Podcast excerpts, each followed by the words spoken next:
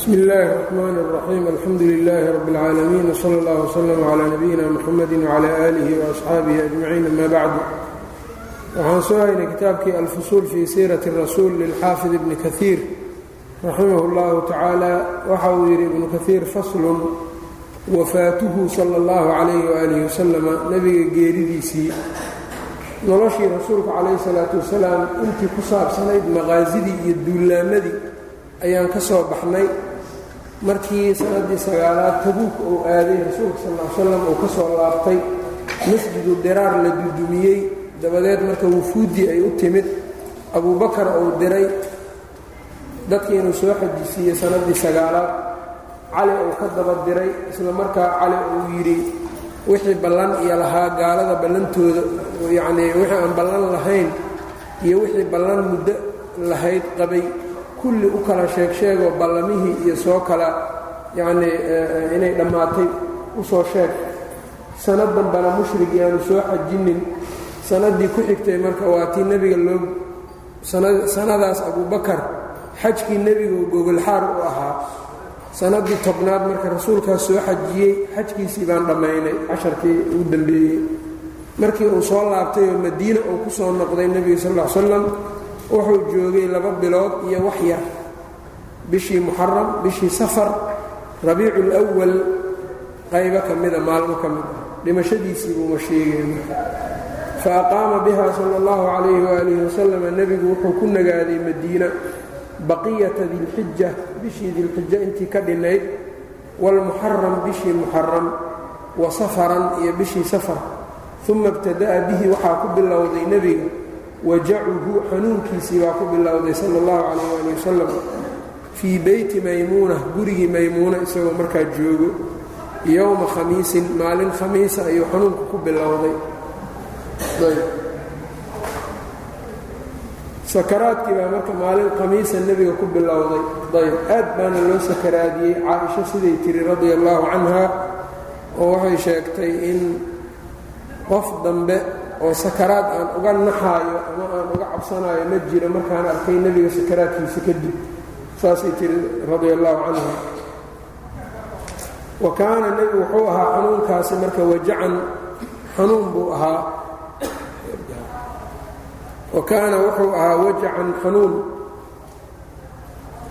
Fii ra'sihi madaxiisa markaa fii ra'sihi اlkariim madaxiisa wanaagga badan ka hayay oo kaga sugnaa buu ahaa wa kaiiran waxaa aad u badnayd maa kaana yactariihi sudaacu maa kaana inta yactariihi ou asiibayo la soo gudboonaanayo assudaacu madax wareerka sala allahu calayh ali wasalam madax xanuunku in badan buu la soo gudboonaa jiray ninkii saxaabiga markuu yidhi innaka la tuucaku wackan shadiidan. Rasuulka ilaahay adig waa lagu qandhaysiiyaa qandho aad u daran. Waa kii markaa uu yidhi nacajal haa kamaa yuucaku rajulaani minkum laba ninoo idinka idinka mida sida loo qandhaysiiyo ayaa aniga keliya la ii qandhaysiiyaa buui fa jacala maca haadaa wuxuu gudagalay marka kan madax xanuunka alla jirkiisa yoduuru iyo xanuunka alla jirkiisa yoduuru inuu wareegayo nebiga calaa nisaa'ihi naagihiisa tookadooda inuu markaa samaynayo ku wareegayo xataa shaqa calayhi intay kaga adkaatay oo dushiisu markaa ay dhibtay fasta'danahunna uu ka idin dalbaday an yumarada an yumarada in lagu jirisiiyo lagu baxnaaniyo fii beyti caaishata radia allahu canha haweenkii kaleu ka fasax qaatay guriga caaisha in lagu baxnaaniyo xanuunkiisa. Ayb marka rasuulku naagaha inuu qaybgeliyo oo tookaysiga naagaha waajib isaga kuma ahayn. Turjii man tashaau minhunna wa tu'wii ilayka man tashaa aayaddaasu alla ku sheegay laakiin nebiga isagaa ugu tadawuci jiray waa ugu samafali jiray dabeecad wanaaggiisa iyo wanaaggiisayna ka mid ahayd iyo isaga waajib iyadoo aynan ku ahayn ayuu ku dadaali jiray.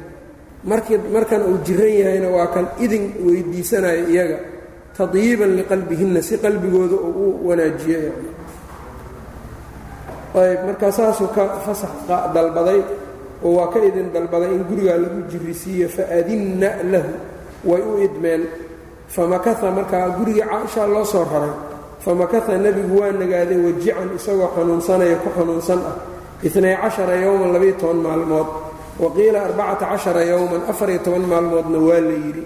Waasidiiqu radia allaahu canhu abuu bakarna yusallii binnaasi dadka uu tujinayo binasihi sala allahu calayh ali wasalam nebiga caddayn uu caddeeyey oo uu magacdhabay isagoo marka sidaa ku tujinayo ayaa dadka uu tujin jiray calayhi calaa abi bakrin oo markaa caddeeyey farta ku fiiqay oo markii uu jiraday ayaa wuxuu yidhi ii keena yacnii abubakar ii waca. Ama wuxuu yidhi muruu abaa bakrin falyusalli binnaas. Abubakar amra dadka ha tujiyo. Caaisha marka waxay tidhi ina abaa bakrin rajulunina abaa bakrin rajulun asiifun. Abubakar waa nin yacnii qalbi jilicsan oo salaadda markuu galo ooyin badan oon ishay karin maqaamkaaga hadduu istaago rasuulka ilaahay isma hay karo dadka ma tujin karee qof kale iyo wax u yaal. Markaasuu nebigu wuxuu yidhi maya idcii lii abaa bakrin abubakar ii wac buu yidhi dadka ha tujiyee. Markaasay xafso waxay ku tiri haddana orodoo saas ku dheh abubakar nin qalbi jilicsanoo aan salaadda wadi karin waayee qof kale ha galo. Caaisha marka iyada waxay sidaa u yeelaysa waxay ahayd meel nebigu taagnaan jiray ninka soo istaagaa nuqsaan unbaa laga arkaa macna marka dadkuna qof fiican markuu ka tago qof aan gaarayninna uu u yimaado fartay ku fiiqfiiqayaan waa dhaliilayaan. Marka aabbaheed bay dhaliisha iyada u diidaysay. Marka waxay ku marmarsiyootay wax kale markaasuu nebigu wuxuu ku yidhi inna kunna la antunna sawaaxibaatu yuusuf. Idinku waxaad tihiin inuu yidhi naagihii qisadii yuusuf ku jiray oo kale ii waca abubakar yacnii macnuhuna culammadu waxay ku macneeyeen waxa aad ku cudur daaranaysaan iyo waxa aad rabtaan waa kala gedisan yihiin. Ayb ee iigu yeeru yidhi abubakar riwaayaadka muslim riwaayada muslim waxay tilmaamayaa waxay leedahay ya'ba allaahu wاlmuslimuuna ilaa abaa bakrin. Ilaahayna waa diidayaa muslimiintana waa diidayaan ilaa abubakar maahan taana marka waxaa laga qaatay abubakar kaana afdalahum inuu ugu fadli badnaa bacda nebi sala اllahu calayh ali wasalam ibnu cumarna waa ka yidhi nebigoo nala joogo ayaan waxaan dhihi jirnay. Khayrunaa abuu bakrin ka noogu khayr badan waa abuu bakar. Uma cumar baa ku xigo uma cumaan saasaan dhihi jirnay buu yidhi. Innagoo marka sidaa dhaha inaan abuu bakar cumar cumaan saa isugu xujin jirnay. Ayb. Marka wuxuu yidhi wasidiiqu radia allaahu canhuna yusallii binnaasi abuu dadka uu tujinayo binasihi calayhi binasihi sala allahu calayh ali wasalam nasgarayntiisa iyo caddayntiisa uu nebigu caddeeyey calayhi calaa abi bakrin waistinaa'ihi lahu iyo inuu ka soo reebiddii uu ka soo reebay min jeyshi usaama usaamo ciidankiisii uu ka soo reebay alladii kaana qad jahazahu sala allahu calayh ali wasalam jeyshkaasoo nebigu uu u diyaargareeyey ila shaami shaam uu u diyaargareeyey liqaswi ruum ruum say ugu duulaan ciidan baa nebigu bixiyey isagoo markaa inay ruum aadaan usaama binu zayd ayuu madax uga dhigay jeyshkaas markaa wuxuu yidhi ordaha ciidankii inay dhaqaaqaan buu faray waa xanuunsaday marka nebiga. Abubakar baa ku jiray ciidankaas. Abubakar waa laga soo reebay marka ciidanka si dadka salaada uu uga bixiyo.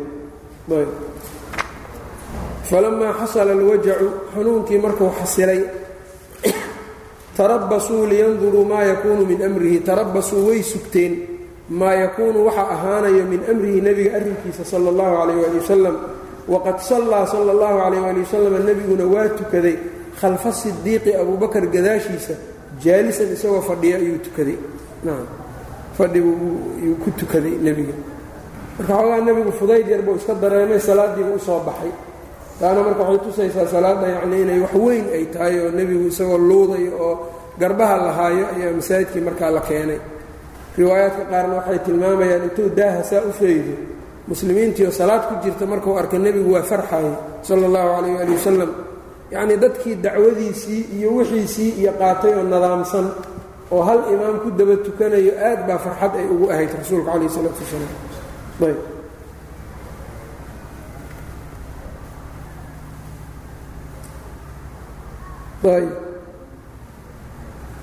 marka wuxuu yidhi sidaabaa nebigu marka dadkiina waxay sugayeen waxa bal nebiga ka soo baxo sala allahu calayh waali wasalam meeshaan marka uu leeyahay waqad sallaa sala allahu calayh waali wasalam khalfa sidiiqi jaalisan.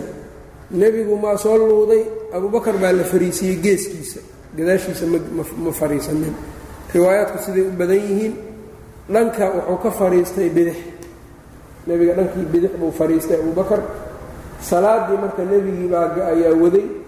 Abubakar marka ma'muum buu noqday. Dadkiina nebigu maadaama codkiisii aad uu daciif u ahaa oo uu yacni waxaan u jeedaa codkiisu aad u tabar darnaa ayaa abubakar uu dadka gaarsiinaya muballiq camal ayuu ahaa. Marka waxaa dadka tujinaya nebiguu ahaa abuubakarna muballiq buu ahaa.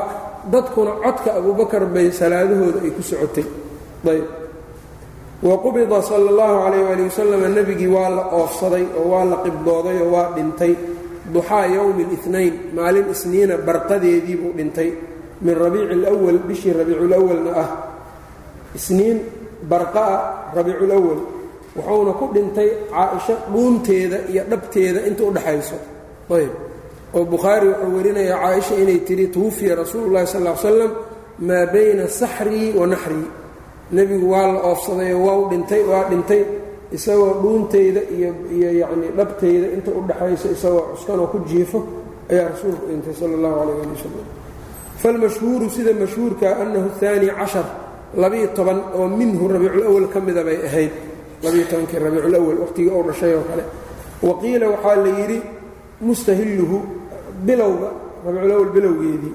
Wa qiila haaniihi labadeeda waa la yidhi wa qiila hayru dalikana waa la yidhi. waqad qaala suhayliyu suhayli waxa uu yidhi maa zacama wuxuu ku andacooday annahu lam yusbaq ilayhi aynaan loogaga hormarinna oo waa maxay waxaa marka min annahu laa yumkinu inaynan suurtoobaynin an takuuna inay noqoto waqfatuhu wuquufkiisii carafo maalintii carafo uu istaagay yowma aljumcati inay ahayd maalin jumca taas waa la hubaa waxaan isku suurtagal noqonaynin buu yidhi nebiga waqfadiisuna inay jumco noqoto. Taasica dilxija bisha dilxijana sagaal noqoto. Uma takuunu wafaatuhu geeridiisana ay noqoto yowma alinayn maalin isniin ah. Ahaani cashar min rabiici اlwal labiiyo toban rabiicu lwala bacdahu. Ayb suurtagal maahan buu yidhi. Sawaaءun waxaa isku mida xusibat ishuhuuru bilaha in la xisaabo kaamilatan soddon soddon in laga dhigo am naaqisatan ama sagaal iyo labaatan sagaal iyo labaatan laga dhigo waa isku mid. Yacnii in yowmu carafana jimco ku aaday rabiiculawal labiiyo tobankeediina isniin ku aadoo nebigu dhintay ma suurtoobayso haddii la soo xisaabiyo la soo tiriya maku imaanaysa sidaa see la yeela marka waqad xasala lahu jawaabun saxiixun. Ibnu kaiir marka wuxuu yidhi jawaab saxiixa ayaa u xasishay fii gaayati sixati weliba sixadeedu ay yoolka yacnii sixada ay gaarayso saxiixnimada walilaahi alxamdu. Ayb. Waqad xasala lahu jawaabun saxiixun fii gaayati sixati walilaahi alxamd afradtuhu maca hayrihi min alajuubati. Afradtuhu aan gooni yeelay maca hayrihi yacnii hayrkiisna lala qabo oo min alajuubati jawaabo kaleoo la yidhina anoo ku daray tanna aan gooni u sheegay yaan gooni yeelay wa huwa jawaabtu waxaa weeyaan annahu inamaa waqaca bixasabi ikhtilaafi ru'yati hilaali dilxija khilaafka iyo yacni waxa uu sheegaya wuxuu u dhacay innamaa waqaca isniin way dhacdayoo saasay noqotay bixasabi ikhtilaafi ru'yati hilaali dilxija bisha dulxija aragtideeda iskhilaafitaanka ay iskhilaaftay fii makata waalmadiina maka iyo madiine dhexdooda ilaa dadku wax war u sheega iyo maynan kala haynin ayb maka iyo madiine ayaa aragtidii bisha ku kala duwanaaday nacam. Oo dadkii markaas madiine joogayna waxaa dhici karta marka bishii inay arkeen maalin. Dadkii maka joogayna maalin ka dambaysay inay bisha iyagu saa arkeen. Yaa laga yaabaa buu yidhi nacam. Fara'aahu ahlu makata reer maka waxay arkeen qabla ulaa'ika kuwaa hortood biyowmin maalin. Wacalaa haada kanna wacalaa haada kan korkiisa ayb yatimu alqowlu اlmashhuuru qowlka mashhuurkaee labayo toban rabiicu اlأwal nebigu inuu dhintay ayaa markaas dhammaystirmaayo ayb aduu marka wuxuu yidhi haddii sidaa la yidhaahdana waxaa loo kala qaybinayaa un aragtidii aragtidii reer maka iyo aragtidii reer madiina inay kala duwanayd aragtiyuhuna waa iskhilaafi karaan dabcan oo in badanoo culummada ka mida waxay qabaan qudri walba aragtidiisa inuu ku soomo oo yacnii bisha uu ku tirsado qudri walbo haddaan akhbaar la kala heli karin maba ku sii jirta haddana. Xilligaa marka yaa akhbaar gudbinaya iyo raadiya iyo taleefonadan iyo waxaan maba jirin. Marka qolo walbaa meeshay joogto wixii lagu addoonsaday ku dadaalaysaa bishii bay fiirinaysaa aragtidaasayna qaadanaysaa qolana marka waxaa weeyaan soonkoodu baail maaha qolana xajkoodu baail maaha xajkuna baail ma noqonaya illa hal meel baa laga xajiya isaga ayb wa kaana cumruhu yowma maata. Nebigu cumrigiisu wuxuu ahaa maalinkuu dhintay sala اllahu calayh waali wasalam alaaan wasitiina sana lixdan iyo saddex sano cala saxiixi. Lixdan iyo saddex jir buu ahaa qaaluu waxay yidhaahdeen walahaa maata abuu bakrin. Lixdan iyo saddex buu ku dhintay. Wa cumaru cumarna uu ku dhintay. Wa caliyun calina uu ku dhintay. Wa caa'ishatu radia allahu canhum caaishana ay ku dhimatay. Dakarahu abu zakariya annawowiyu fii tahdiibihi buu ku sheegay alimaamu nawowi tahdiib alasmaa'i wallugaat wa saxaxahu waana saxiix yeelow fii bacdihi nadarun baa ku jirta. Qaarkiisna daymaa ku sugan buu yidhi. Wa qiila kaana sitiinana waa la yidhi lixdan. Qolada lixdan tiri kasrigaa yarkaa ayay iska ayay tirada ka saareen. Af carabiguna waa ku badan tahay taasoo kale. Ayb. Oo carabta waxaa qaalib ku ah lixdan iyo markay tahay lixdan iyo saddex lixdan iyo koow kasriga waa iska tuuraan. Qofkaas meeqa jir waa lixdan. Ayay leeyihiin lixdan oo juusta ah kama wadaan kasrigaa marka go'ay lixdan iyo sagaal oo kale markuu jirana sabciin bay dhahayaan. Halka xabee ka dhiman waa iska ridayaan. Sagaal inta la riday iyo hal in la riday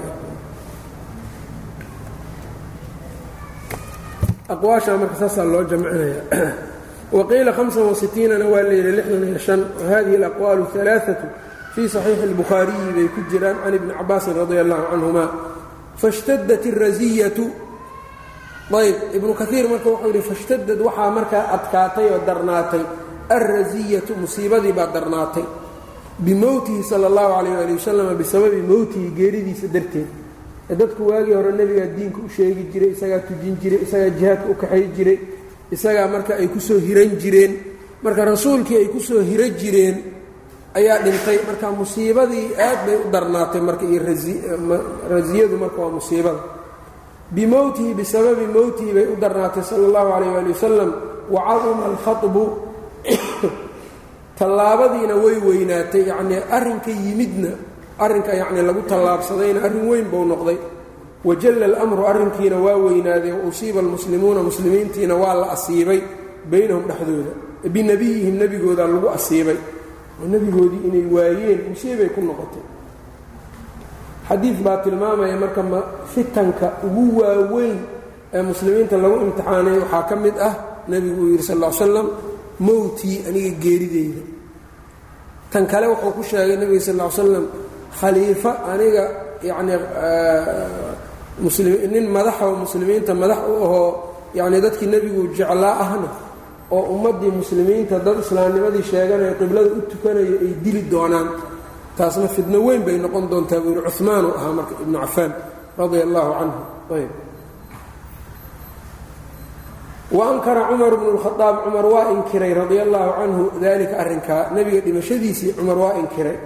Wa qaala waxa uu yidhi innahu lam yamut ma dhimanin wainahu sayacuudu waa soo noqon doonaa kamaa caada muusa ilaa qowmihi muuse sow qowmkiisii ugu soo laabtay oo kale.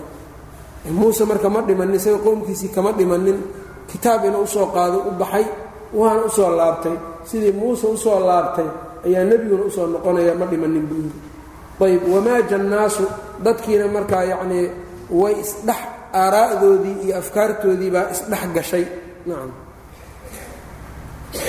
cumar riwaayadka qaar waxay leeyihiin bal waxa uu yidhi ninkii yidhaahdo waa dhintay waa dilayaa aad buu marka u guulguulay wa jaa'a sidiiqu abubakar baa yimid almu'ayadu sidiiqii la ayidayey xagga alle laga ayidayey almansuuru ee loo gargaarayay radia allaahu canhu awalan hor iyo wa aakhiran dambaba wa daahiran muuqaal ahaan iyo baatinan si qarsoonba kii loogu gargaarayay sidiiq ahaa baa yimid fa aqaama wuxuu istaajiyey alwada dhibaatadii dhibaatadii ayuu damiyey fa aqaama wuxuu joojiyey oo uu toosiyey alwada dacfigii wa sadaca bilxaqi xaqii buu la jahray wa khadaba annaasa dadkiibuu u wa talaa calayhim wuxuu ku akhriyey wamaa muxamadun ilaa rasuulun qad khalat min qablihi rusul wamaa muxamadun muxamed maahan ilaa rasuulun weeyaan rasuulun rasuulka oo qad khalad ay tagtay min qablihi isaga hortii alrasuulu rusushu ay tageen hortii waa la dhintay yacni afa in maata haddii uu dhinto ow qutila ama la dilo inqalabtum ma gadoomaysaan ma noqonaysaan calaa acqaabikum ciribtiinna miyaa u noqonaysaan waman yanqalib qofkii noqdo calaa caqibayhi cirbihiisa qofkii dib ugu laabto waa gaalnimadii falan yadura allaaha shay-an ilaahay waxba u dhibi maayo wasayajzi llaahu shaakiriin kuwa ilaahay caabudo oo alla ku shukriyana ilaahay uu abaalmarin doonaa. Waa qisadii marka uxud dhacdayoo markii la maqlay nebigii waa la dilay ayaa markaa arrin culus saxaabadu uu dhexdooda ku noqday oo qaar ay yidhaahdeen haddii nebigii la dilay wixii uu ku dhintay aan wadno kuwana ay dadna yacnii qalbi jab iyo niyad jab ay ku noqotay. Aayadahan baa marka soo degeen oo qalbigooda lagu kabay. Shaykhulislaam ibnu taymiya wuxuu yidhaahdaa kitaabkiisa la yidhaha aljawaabu albaahir fii zuwaari almaqaabir waxaa laga qaadanayaa qisadan buu leeyahay waxyaabaha quluubta wareeriyo iyo masaa'ibta waaweyn markay dhacaan dadkii cilmiga lahaa xataa qaar badanoo ka mid a deliilka iyo dhibaatada daaweyn daaweyntooda ma isku helayaan markay masaa'ib waaweyn ay dhacaanoo dadkiiba ka tan badan markay yimaadaan dadkii cilmiga lahaayoo ahlu cilmiga ahaayoo khawaasu ahlilcilmi ahaa ma heli karaan deliilka si sahlan intay deliilka u soo qaataan ay ku tadbiiqiyaan dhacdada oo sidaa marka lagu xal lagu helo waa adag tahay buu yidhi nacam kulligood ma wada helayaan. Qof ama laba ama dad dhifa baa ilaahay ku toosiyaa. Ayb. Walidaalika meeshaanu tusaale u soo qaataayo nebigii waa dhintay. Waa nagu dhex jiray rasuulkii ilaahay baa baxay oo dhintay. Musiibo weynay ahayd iyo imtixaan aad u daran. Cumar marka deliilkan waa yaqaanay aayaddan ogow qur'aanka inay ku jirto. Macnaheedana hadduu akhriyey waa fahmaayey laakiin waa ku wareerkii baa ilowsiiyey nacam abubakar laakiin maadaama uu yahay ka cilmi badnaa cumar ka fadli badnaa waa sugnaaday musiibada maynan gilgilin abubakar nacam rasuulkii soomaahan buu yidhi inuu dhimanayo waaba la sheegay ninkii nebi moxamed caabudi jiray waa dhintay buu yidhi ha ogaado. Ninkii alla keliya caabudi jirayna fa innahu xayun laa yamuutu waa nool yahay mana dhimanayo. Labadaa le weeyaan buu yidhi arrinka kale labaad waxay noqotay markii ay nebigu uu dhintay dad badan baa ridooday masaajiddii waxaa la sheegay qaryo baxrayn ku taalloo juwaafa la yidhaah iyo labada xaram keliya umbaa laga tukanayay.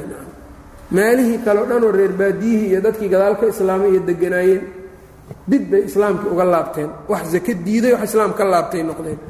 Arrin culus waaye marka oo siyaasad gudaha ka kharibantay yyyay noqotay. Abubakar marka waa sugnaaday wuxuu yidhi waa la dagaalamaya cumar baa u yimid markaasuu yidhi dadkan sakada diiday see ula dagaalamaysaa nebiguna wuxuu yidhi umirtu an uqaatila annaasa xataa yashhaduu an laa ilaaha illa allah wa annii rasuulullah. Wayna dhahayaane. Markaasuu abubakar waxa uu yidhi wallaahi low manacuunii canaaqan kaanuu yu-adduunaha ilaa rasuuli lah sal ll ly slam laqaataltuhum faina salaata xaqu yani salaaddu waa xaq jirka lagu leeyahay. Wa ina zakaata xaqulmaal zakaduna waa xaq maalka lagu leeyahay. Ninkii kala qaaday oo salaadna waa ogolahay zakana waa diidanahay yidhi waa la dagaalamaa ilaa meesha ugu dambayso. Cumar markuu arka abubakar siday wax ugu cad yihiin oo ugu dhiiran yahay arrinka daliilkiina ou maqlay ilaa xadiidkaa wuxuu leeyahay faidaa qaaluuha yani casabuu minii dimaa'ahum waamwaalahum ilaa biaqihaa ilaa bixaqihaa wa min xaqihaa maxaa ka midana salaada in la dukado la ogolaado zakadii axkaamta in loo hogaansamo ayaa ka mida abubakar marka ilaa bixaqihaadaas buu dhab yidhi cumar marka isagu taas waa ilowsanaa markii abubakar sugnaanshadii abubakar ou arkayna daliilkiina ou arkay waa isdhiibay marka abubakar inuu iga toosan yahan ogaaday buu yidhi waa u hoggaansamay walidaalika labadii sane abubakar khilaafada uu haayey cumar waxay u ahayd gogoldhig fiican. Maxaa yeeley abubakar wuxuu u islaaxiyey gudaha. Markii gudaha uu u islaaxiyey cumar marka qoladii markaa dambe markaa iyagu cadowga ahaydee bannaa ee xuduudda ka shisheysay waa u fududaatay cumar. Dadku marka waxay arkayaan uun cumar futuuxaadka faraha badanoo uu la yimid laakiin futuuxaadkaas abubakara dhidibada u taagay labadiisii sanana waxa soo maray iyo inta uu ku xalliyey isma lahayn. Ayb sidaasaa marka dhacday wuxuu leeyahay marka qisadan marka taasaa laga qaadanaya walidaalika dadka mar walbo mushkiladaha iyo dhibaatada waaweyn markay dadku ku dul habsadaan dadka ilaahay subxaanahu watacaala uu ku taageero inuu fahamsiiyo xalka diintana weliba uu ka dhex fahamsiiyo ma badna ma badna. Xataa culimmada dhexdooda fara ku tirisay ka noqdaan. Kulligood ma wada helayaan saasuu ibnu taymiya leeyahay. Waaqiciyanna waaba kana hadda waa aragnaa ayb. Abubakar marka sidaa buu yeelay. Fakaana naasa dadka waa iyagoo markuu lam yasmacuuha aanba maqlinba aayadda qabla dalika dadkii waxayba noqdeen aayaddaa inaysan wakhtigaa ka horba aanay maqlinoo kaleba. Famaa min axadin qof ma jirin ilaa yatluuhaa aayaddu ku celcelinayo ahrinayo uma dahaba almuslimuuna bihi uma markaa dabadeed dahaba almuslimuuna muslimiintii waxay la tageen bihi abubakar ilaa saqiifati bani saacida ayay la tageen. Saqiifati bani saacida meeshaa meel weeyaan bay la tageen. Madiine ka mid a waqad ijtamacuu calaa imrati sacdi bni cubaada iyagoo markaa ku kulmay inay sacd bni cubaada oo ansaar markaa odayaalkeedii ka joogay inay madax ka dhigaan. Ayb. Faraddahum can dalika abubakar waa ka celiyey arrintaa marka jooga wasadahum waana ka celiyey wa ashaara calayhim u nacam.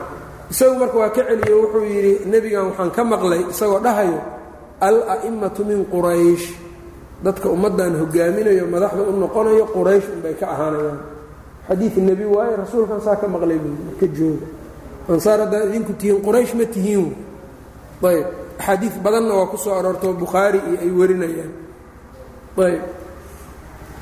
Marka wuxuu yidhi sidan ha laga joogo sidaa nebigu yeelay sameeyey halla yidhi ha la yeelo.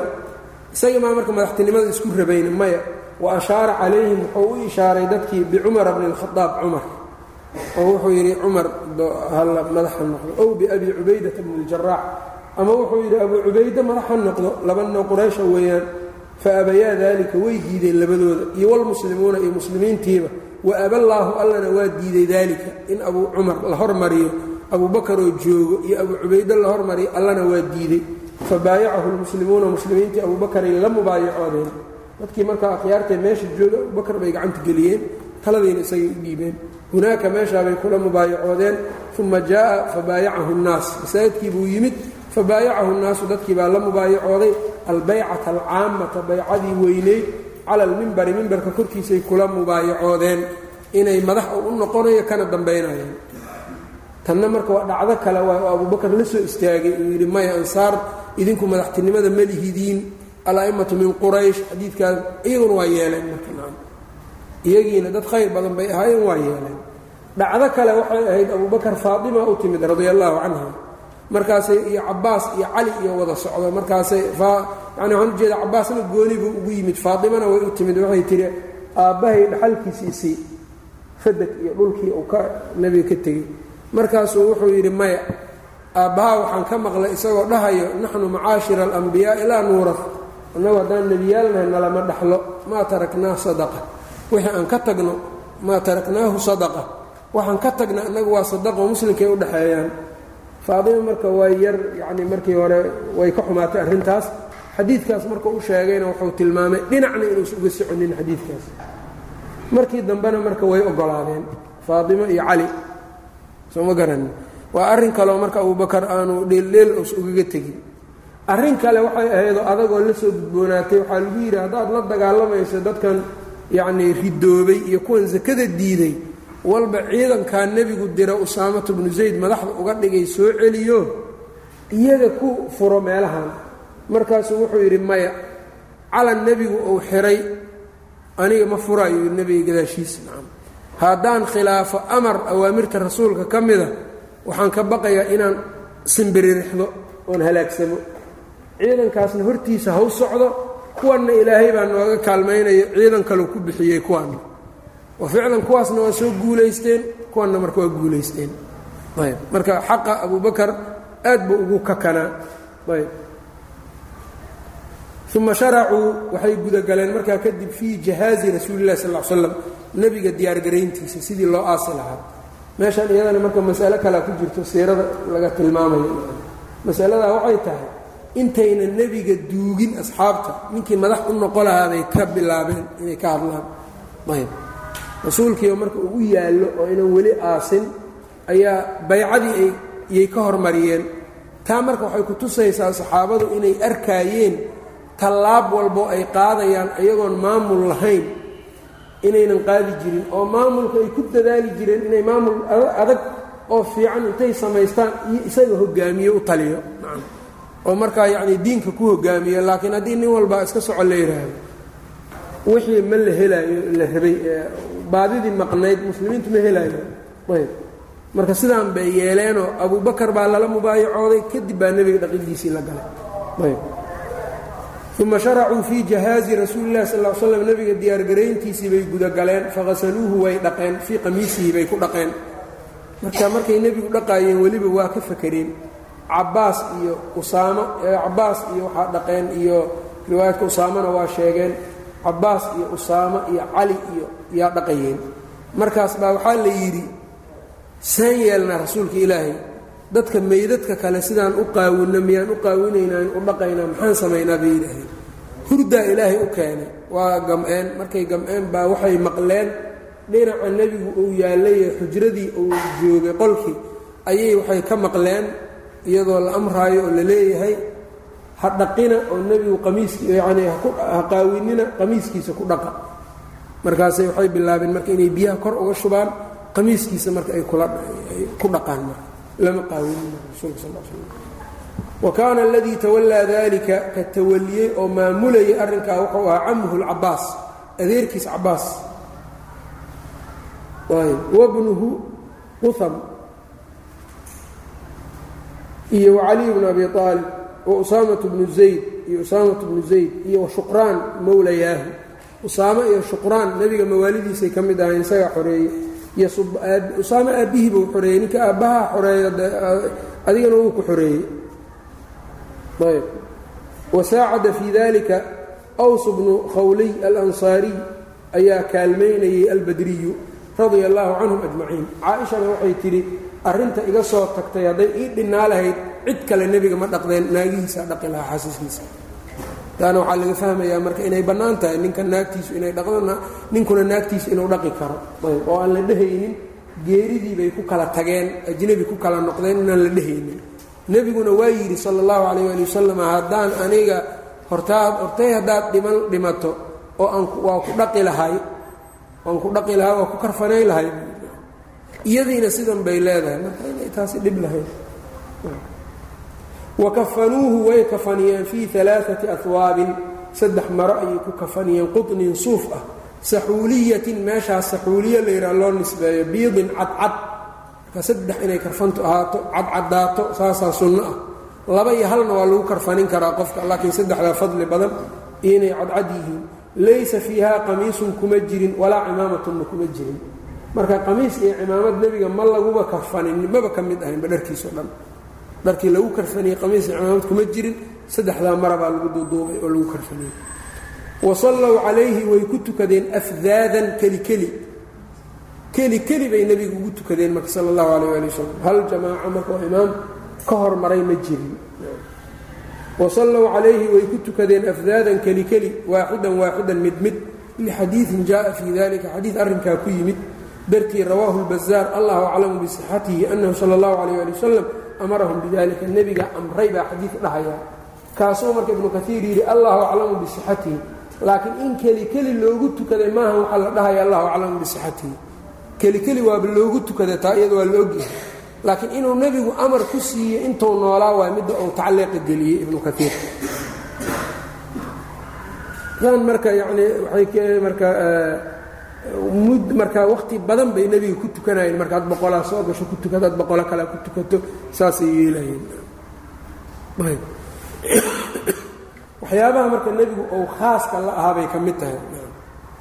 Waxaa ka mid a yacnii tii hadda aan soo dhaafnay qamiiskiisa in lagu dul dhaqay isaga waxaa ka mida midaan in lagu karfaniyey waxaan u jeedaa midaan salaada keli keli ay ku tukadeen waxaa ka mida qolkiisa in lagula tukaday ee in lagu duugay addafnu fii xujratihi meeshii uu deganaa qolkiisi baa lagu aasay nebigay gaar u ahayd cid kale inay gurigeeda isku aasto waa laga reebay oo nebigu wuxuu yidhi sal l slam laa tattakhiduu buyuutakum qubuuran guryihiinna ha ka dhiganina qubuur iyo maqaabir haka dhiganina wasalluu fiiha guryaha ku tukada culamadu marka waxay leeyihiin imaam albukhaari iyo kale guryaha sababka in qubuur looga dhigto loo diiday waxay tahay qofkaa guryaha inuu ku dukada la amray oo salaadaha sunnooyinka in guryaha ku fadli badan in lagu dukado lagu sameeyo. Haddii marka uu qabri ka dhigto gurigiisa salaadna laga rabo inuu ku sameeyo say u marka. Qabrigan marka iska raro waxaad geysaa meelaha marka maqaabirta muslimiinta. Ayb.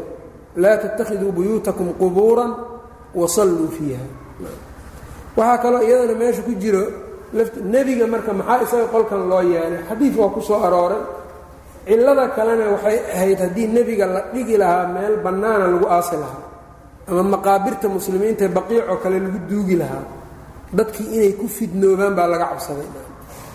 Oy caabudaanba qabrigiisa ilaa meeshaasuu ku yaallaa cid ka celinaysa ma lahan. Bannaanuu ku yaallaa moogta laakiin guri marka uu ku yaallo gurigiina la degan yaho caaisho joogto isti'daana u baahan yahay layskama geli kara waxba laguma samayn karo. Xadiidka rasuulkaana saa tilmaamayo lacana allahu alyahuuda waannasaara ittakhaduu qubuura anbiyaa'ihim masaajid yuxadiru maa sanacuu. Caaisha waxay tidhi walowlaa daalika arrintaa haddaysan ahaa lahayn yahuud iyo nasaaro qubuurta ambiyada nebiyaalkooda ku fidnoobay haddaysan ahaa lahayn la ubrisa qabruhu. Qabrigiisa bannaankaa la keeni lahaa bay tii sooma arkin nebiga iskaba daaya dad aan da nebigiiba dhammayn ama aanu yacni xaalkooda ilaahay iska ogyahay baa la caabudaa qubuurtooda markay dadku fursad u heleen meel walba ay ka geli karaan saasay yeeleen. Marka nebiga maxaad u malaynaya marka ilaahay baa nebiga taa ku ilaaliyey. Qolkiisii baa lagu aasay rasuulka sal slam ou ku dhintay. Ishkaalaa imaan kara waxaa la dhihi karaa caa-isha iyada. Sideeday marka ugu tukanaysaa marka guriga haddii qabrigii ku yaallo taas culummadu waxay uga jawaabeen caa-isha qabriga iyo iyada meeshay deganayd teed baa u dhexeeyey xijaab bay u kala dhexaysiisay. Qabrigana geeso ugaga yaallay iyadana gurigeeda iyo meeshay jiifato iyo yacni meeshay ku tukatana meel kale u ahayd. Riwaayana saas ku soo aroortay. Mucallimi cumaaratulqubuurka uu ku sheegaya ayb. Xadiid baa macno ahar baa saa ku soo arooray. Mafhuumkiisuna marka uu sidaas yahay. Ayb sooma fahmi marka ishkaalka noocaasa daawadiis waa taasa ishkaal kale ayaa imaanaya waxay tahay qabrigu hadda masaajidkuu ku jiraa see mal xallu marka ishkaalkaasna culimmadu waa jawaabeenoo yani qabriga nebiga hadda masjidkiibuu ku dhex jiraa soo maa waxay ugaga jawaabeen ishkaalkaasna iyaa soo geliyeen masaajidka nebiga qabrigiisa iyaa masaajidka soo geliya waa kala baxsanaayeen awal nebigu markuu noolaa intii sakaraadka uu ahaa shan maalmood intuunan dhimanin. Labiiyo tobankiibuu dhintay toddobadii bisha.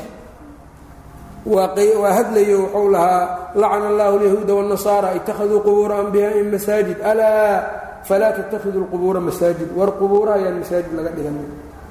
Wax nasakhay marka male afar shan beri kadib nebigu waaba dhintayba sala allahu calayh ali wasalam amarkiisii ugu dambeeyey saasuu ahaa. Yaa sidan yeelay marka xilligii cumar masaajidka waa la waasiciyey. Dhanka qabriga iyo qolka caaisha lama aadin. Dhinaca kalea loo fakiyey masaajidka. Xilligii cusmaan waa la waasiciyey. Dhinacyadii kalea loo fakiyey. Dhinacii qabriga waa laga tegey. Xilligii saxaabadu ay baaba-een oy dhinteen oo saxaabi madiine ku noolba uunan jirin ayaa cabdilmelik alwaliid ibnu cabdilmelik oo umaradii bani umaye ka mid ahaa ayaa yidhi qolalkii nebigu haweenkii nebiga ay lahaayeenoo ku teedsanaa masaajidka hala iibiyo. Anaa iibsanayo dadkoodii ayaan ka iibinayaa qolalkaas iyo marka kulligood masaajidka lagu waasiciyo hala soo geliyo. Markaas baa marka qolalkii masaajidkii la soo geliyey qolkii caaishaoo nebiga ku jirayna saasuu masaajidka ku soo galay. Idan waa ficil uu sameeyey boqor boqorada muslimiinta ka mid wahada laa yustadallu bihi. Xadiidka nebiga afar beri intuunan dhimanin ka hor iyo ficilkii weliid ninkii ficilka weliid hormarinaya isagaa wuxuu yahay marka isagaan fahm lahayn. Ayb iyagu marka weliid laftirkiisu marka sidaa la yeelayo waa ogaayeen salaad salaada yacnii qabri agtiisa lagu tukadaa inay khatar tahay. Qurطubi mufhimka wuxuu ku sheegayaa ibnu rajabna fatxulbaariga saarimulmunkigana ibnu ibnu cabdilhaadina uu ku sheegay markii ay soo geliyeen xataa waxay sameeyeen saddex derbi ayay masaajidka uga gooyeen. Saddex derbi ayay masaajidka uga gooyeen. Oo sidii saddex xagal camal u samaysan. Ayb.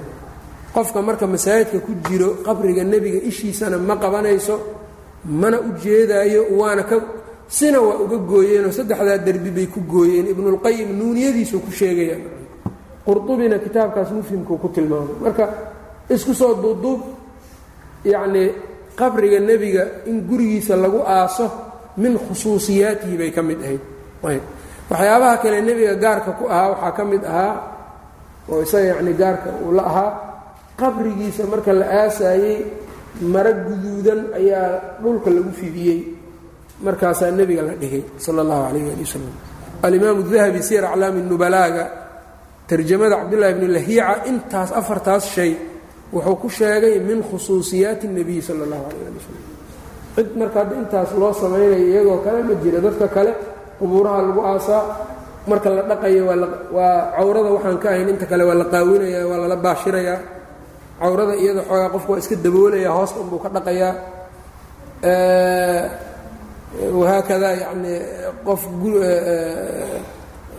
qofka ciiddii iyo isagii waa waxba ma loo kala dhigaayo waxyaabahaas marka dadku nebiga lama wadaagaan. Waqaala shaaficiyu imaamu shaafici waxa uu yidhi innamaa salluu calayhi.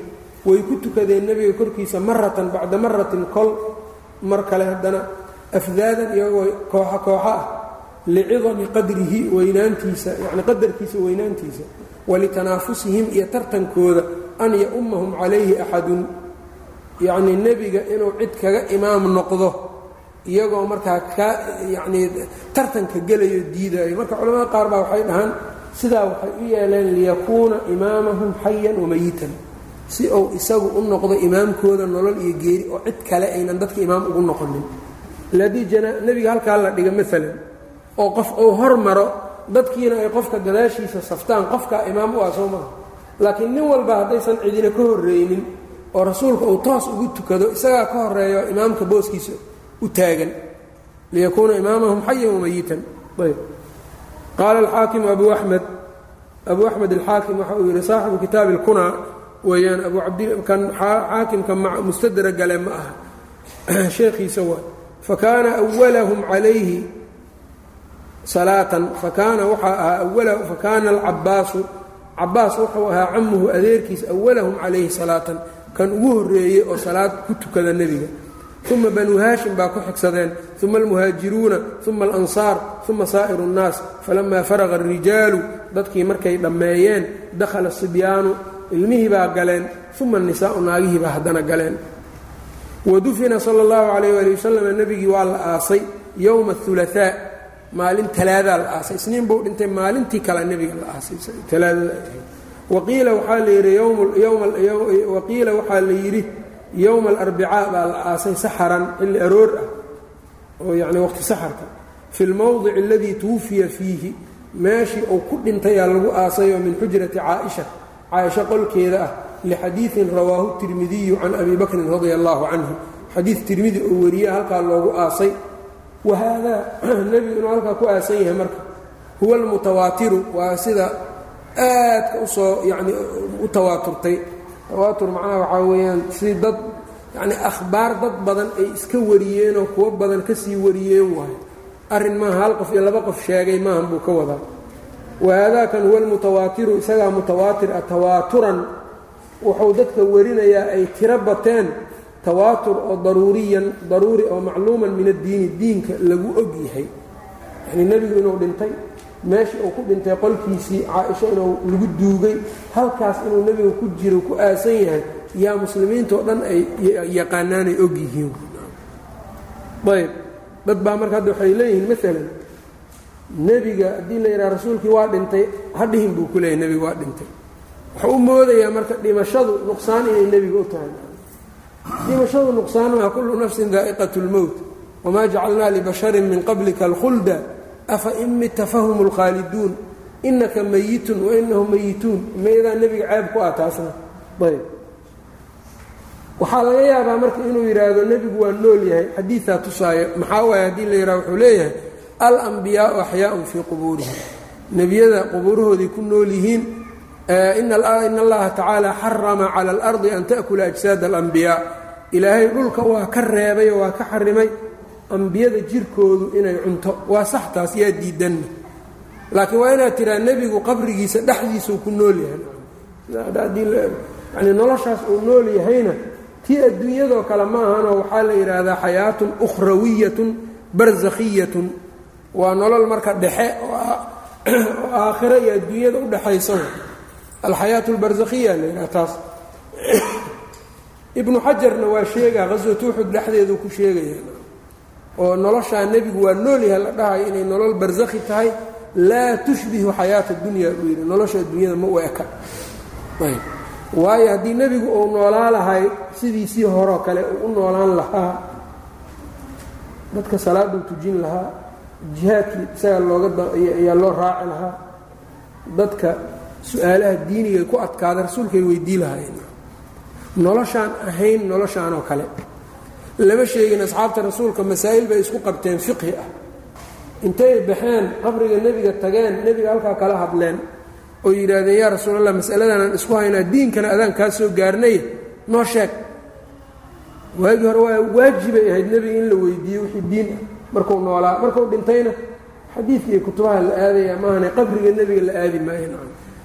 Dadka intaa fahmila marka culamo ma la dhihi karaa ma la dhihi karaa nebigii waa dhintay noloshii adduunyada waa ka dhintay dadka dhahaya nuqsaan waayo joog ah saa ha dhihin. Hal yacni ma la dhihi karaa dadkaasi qur'aan iyo sunno iyo diinay fahamsan yihiin ma la dhihi karaa. Maxaa yeele shay mutawaatir ay inkirayaan oy dafirayaan oy diidayaan. Markaa nebigu inuu dhintay oo qabri leeyahay oo meeshii lagu aasay kulli waxaa dhan baa laogyahay alladii huwa kaasoo ah alyowma maanta daakhila masjid daakhila masjidi اlmadiina masaajidka madiina dhexdiisa maantana ah siduu ku yimidna waa kaasaa marka alwaliid bn cabdilmelik wakhtigiisii baa la soo geliyo saxaabada aynan joogin qubadana goormaa loo dhisay marka qoladan iyagu weliid iyo waxay joogeen xujradii bay soo geliyeen masaajidka waana ka owdeen ayagu halkaas taagnaayeen qolooyin dambeoo gadaal ka yimid baa qubad ka dul dhisay qabriga nebiga qubadan cagaaran oo qubat la leeyahay cagaarka oo yacnii ka muuqato. Atraagti iyo niman noocaasaa dhisay oo qabriga ka dul dhisay xujo ma ahan taas nebigana in qubuuraha qibaab laga dul dhiso waa reebi jiray. Marka yacnii waxyaabahaas oo dhan waa umuur lagu soo daray laakiin ilaahay nebigu mid uu ka bariyey oo u aqbalay. Yaa jirto waxay tahay inuu yidhi allaahuma laa tajcal qabrii wahanan yucbad. Ilaahu qabrigayga sanam la caabudo ha ka dhigin. Qabriga rasuulka lama caabudo. Ma dhicin in la caabuday qabrigiisa isagana. Laa tattakhiduu qabrii ciidan qabrigayga haka dhige haka dhiganina meel sanadkiiba mar la yimaado lagu soo noqnoqdo oo qofka uu yidhaahdo siyaaradii nebigaa jirto. Sidaa ha yeelina. Markaasuu nebigu wuxuu ugu daray wasalluu calaya xayumaa kuntum igu salliya meeshaad joogtaan iiga soo salliya. Fa inna salaatakum tabluqunii salligiinna waa isoo gaaraan.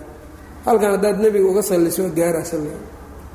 Haddaa halkan ka salaanta assalaamu calayka ayuha nabiy waraxmat ullaahi wabarakaatuh waa la gaarsiinaya saxaabada nebigu marka taasay ogaayeen masaajidka markay soo gelayaan bismi illahi wasalaatu wasalaamu calaa rasuulillahi halkaa nebigu waa salaamayaan ataxiyaadkii nebigay ku salaamayaan uma baahnayn marka salaad walba markii la dukado inay qabriga u ordaan ma aynan u baahnayn. Maxaa yeele waxay ogaayeen hadday salaam inayba salaameen rasuulka oo daa'iman wa abadda nebigu ayba salaamaanba qofka mu'minkaa marka salaamta nebiga inuu ka go-o lama rabo. Ataxiyaadkii baan ku salaamaynaa waa ku sallinaynaa salligii nebigaa furan. Marka la taga masjidka nebigana waxa madiino loo tagaana waa masaajidka nebiga sal l slam kaasaa nebigu uu ku sheegay kun salaadood inuu la mid yahay. Ninkii madiine aadaya inuu taa u tago. Maxaa yeelay qabriga nebigaa ku dhex jiro miyaa kunkaas ajarkaa kunkaa marka loogu helaana dad baa waxay moodayaan masaajidka nebiga kun salaaddii lagu tukadaa kun bay la mid tahay sababtoo nebigaa ku duuganay u arkaan. Waa khata. Inaysan sax ahayn waxaa ku tusayo intuusan nebiga dhimanin xataa kun salaad baa lagu helayo soo ma isagoo noolow nebigu wuxuu yidhi ninkii masaajidkaygan yimaado salaad ku tukado. Kun salaaday u dhigantaa meel kale uu ku tukaday masjidulxaraamka marka laga reebo. Isagoon weliba qabrigiisii la soo meeshaa la keenin ayaa kunka la helaayey qabrigu maahan marka inuu kunka soo ziyaadiyey. Maskaxdiinna marka taa ka bixiya qofka diinka inuu fahmaa fiican. Ayb masaajidkaa loo qasdaa salaad badan si loogu tukado ajarkaa faraha badan qofku u xasilsado isagaana safar loo aadaa masaajidka nebiga. laa tushadu rixaalu ilaa ilaa alaaati masaajid masjid alxaraam wamasjidi hada masjid alaqsa haddii la diiday maanta qofku haddii uu nadar galo uu yidhaahdo ilaahay wuxuu igu leeyahay masaajid jawhar ku yaalla inaan ku soo tukado. Halkiisa isaga tukadaa layidhi nadarkan waa ka oofsamay maxaa yeele kan jawhar iyo kan halkan waxba isma dhahma laakiin hadduu nadar ku galo kacbada masaajidka nebiga masjidul aqsa waa laga rabaa inuu tago meesha. Ayb masaajid haddii sidaa la yidhi qabri xaggoo joogaa marka ikhwaan dad baa marka waxay leeyihiin laa tushadu rixaalu masaajidal ay ku saabsan tahay. Haddii masaajid sidaa la yidhi loo safri maayo fadli iyo yacni barako ku jirta masaajidkaa darteed loogu safri maayo haddii loo yidhi barako meeshaa laga raadinayo darteed. Min baabi owlaa waxaa ah qabri meel ku yaallo faxwa alkhiaab waayo faxwa alkhitaab yaa wuxuu tusayaa afdalu lbiqaac haddii sidaa loo kala saaray meelaan afdalu lbiqaac ahayn oo masaajid ka hoosayso in la yidhaha barakaa laga raadinayaa laa tushadu rixaaluna ma soo gelayso wax aan saxsanayn ayb. Masaajidii iyo yaa owleysan middan. Ayb.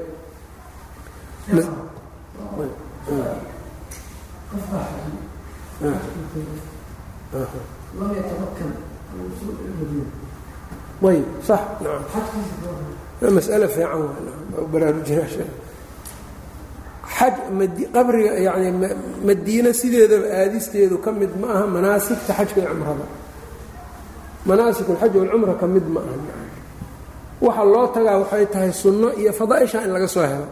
Qofku hadduu xajkii tago ee uu mina iyo musdelifo iyo carafaad meelihii xajka uga xiran yihiin tago ee uu iska soo laabto ruknigii shanaad waa ka dhacay waa sameeyey. Haddaan wax iska qaldin isaga madiine marka waxaa ka wuxuu ku seegayaa fadaaisha iyo jirka tirada badan buu soo waayey.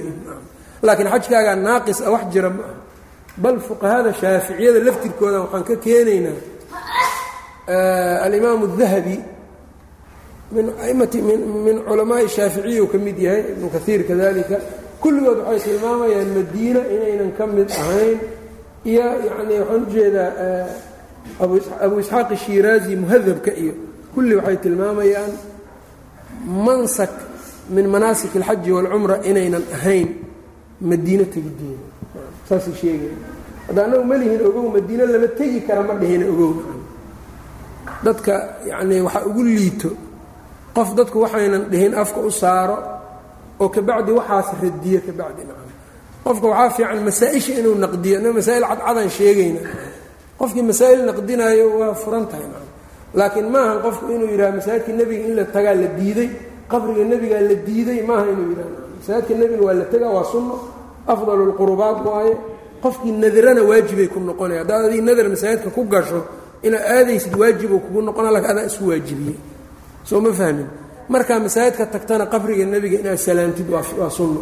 Assalaamu calayka ya rasuul allah asalamu calayka ya abaa bakrin assalaamu calayka ya cumar. Ayb laakiin wuxuu saasay ahmiyaad u kala leeyihiin. Shaaficiyadu waxay ka hadlaan dadku s waxay wax ku fahmayaan wax loogu loogu sheegaa fiicane. Waxay ka hadlaan haddii qofku nadar ku galo masjidkaasi nebiga inuu aado ama masjidul aado. Nadarkaasi ma laazimaya mase ma laazimayo ma waajibaan soo ma waajibayo laba wej laba qowl ama laba wej bay shaaficiyada ku leeyihiin wej wuxuu dhahayaa madiine maba laazimayo dhahaya lianna wuxuu ku cilaynaa marka wejkaas nusuk iyo camal oo manaasigta xajka iyo cumrada kuma xirna iyada laakiin masjidulxaraamku waa waajibayaa sababtoo a mansag iyo camala loo aadaayo dhahaya muhadabka shiiraazi ha ka feeriya qofka rabo iyo majmuuca nadarka meesha baabunadriga yuu ku sheegayaa nacam alimaamu nawowina labadaa wej uu ka hadlayaa marka qofku hadduu saa yidhaha maahan inuu leeyahay madiine lama tegi kara iyo waa xaaraan iyo waxaa malihin ayb. Calaa kullin marka qabriga nebigu marka sidaasuu qofka u booqanayaa saasaana marka madiine fadaaisheedaas ayay leedahay. Rasuulkana sala allahu calayh ali wasalam geeridiisa iyo axwaasheedu waa sidaas. Dadkana in loo kala sheego waxa nebigu leeyahay iyo waxa alla leeyahay. Sharciga nebiga uu ka tegey ee uu nagu waa yacni allana nagu waajibiyey isagana aan uga dayanayno. Iyo waxa faalsada ah oo dadku ay jeebabka ku wataan in la kala bixiyo waa maqaasida shareecada maqsad ka mida waayo maxaa yeele nebigu inuu wax kala saaraa loo ayuu u yimid. Taasna markaa de qofku inuu ka cabsado ama uu ka xishoodo ama dadka uunan u bayaaninin waxay keeni kartaa shirki iyo inuu marka dambe meel aan waxaan ficnayn ku dhaco. Mas'ale aan ku gebagabaynaya iyadana waxay tahay ku tacalluqda meeshaan alimaamu nawowi wuxuu sheegay majmuuca qabriga nebiga marka la booqanayo codka hoos in loo dhigo. Marka la salaamayo nebiga assalaamu calayka ya rasuulallah lile codka hoos in loo dhigo. Qabriga inaan lagu dawaafin. Caloosha inaan la saarsaarin inaan la dhudhunkanin. Waxyaabahaas dhan tabarug sharci ah ma ahan buu yidhi waxaas. Tabaruga iyo barakaysigana wixii cilmiga waafaqa sax ah buu yidhi oo barakaysi ah. Ayb waxaan cilmiga waafaqin waxba ma aha ayb qubuurtan marka lagu dawaafaayo meesha laga keenay dadka iyagay jirtaa marka kii nebiga waxaa la leeyahay maya lagu dawaafi maayo. Cidaan nebi ahayn marka qabrigiisa in lagu dawaafaa say ku timid marka.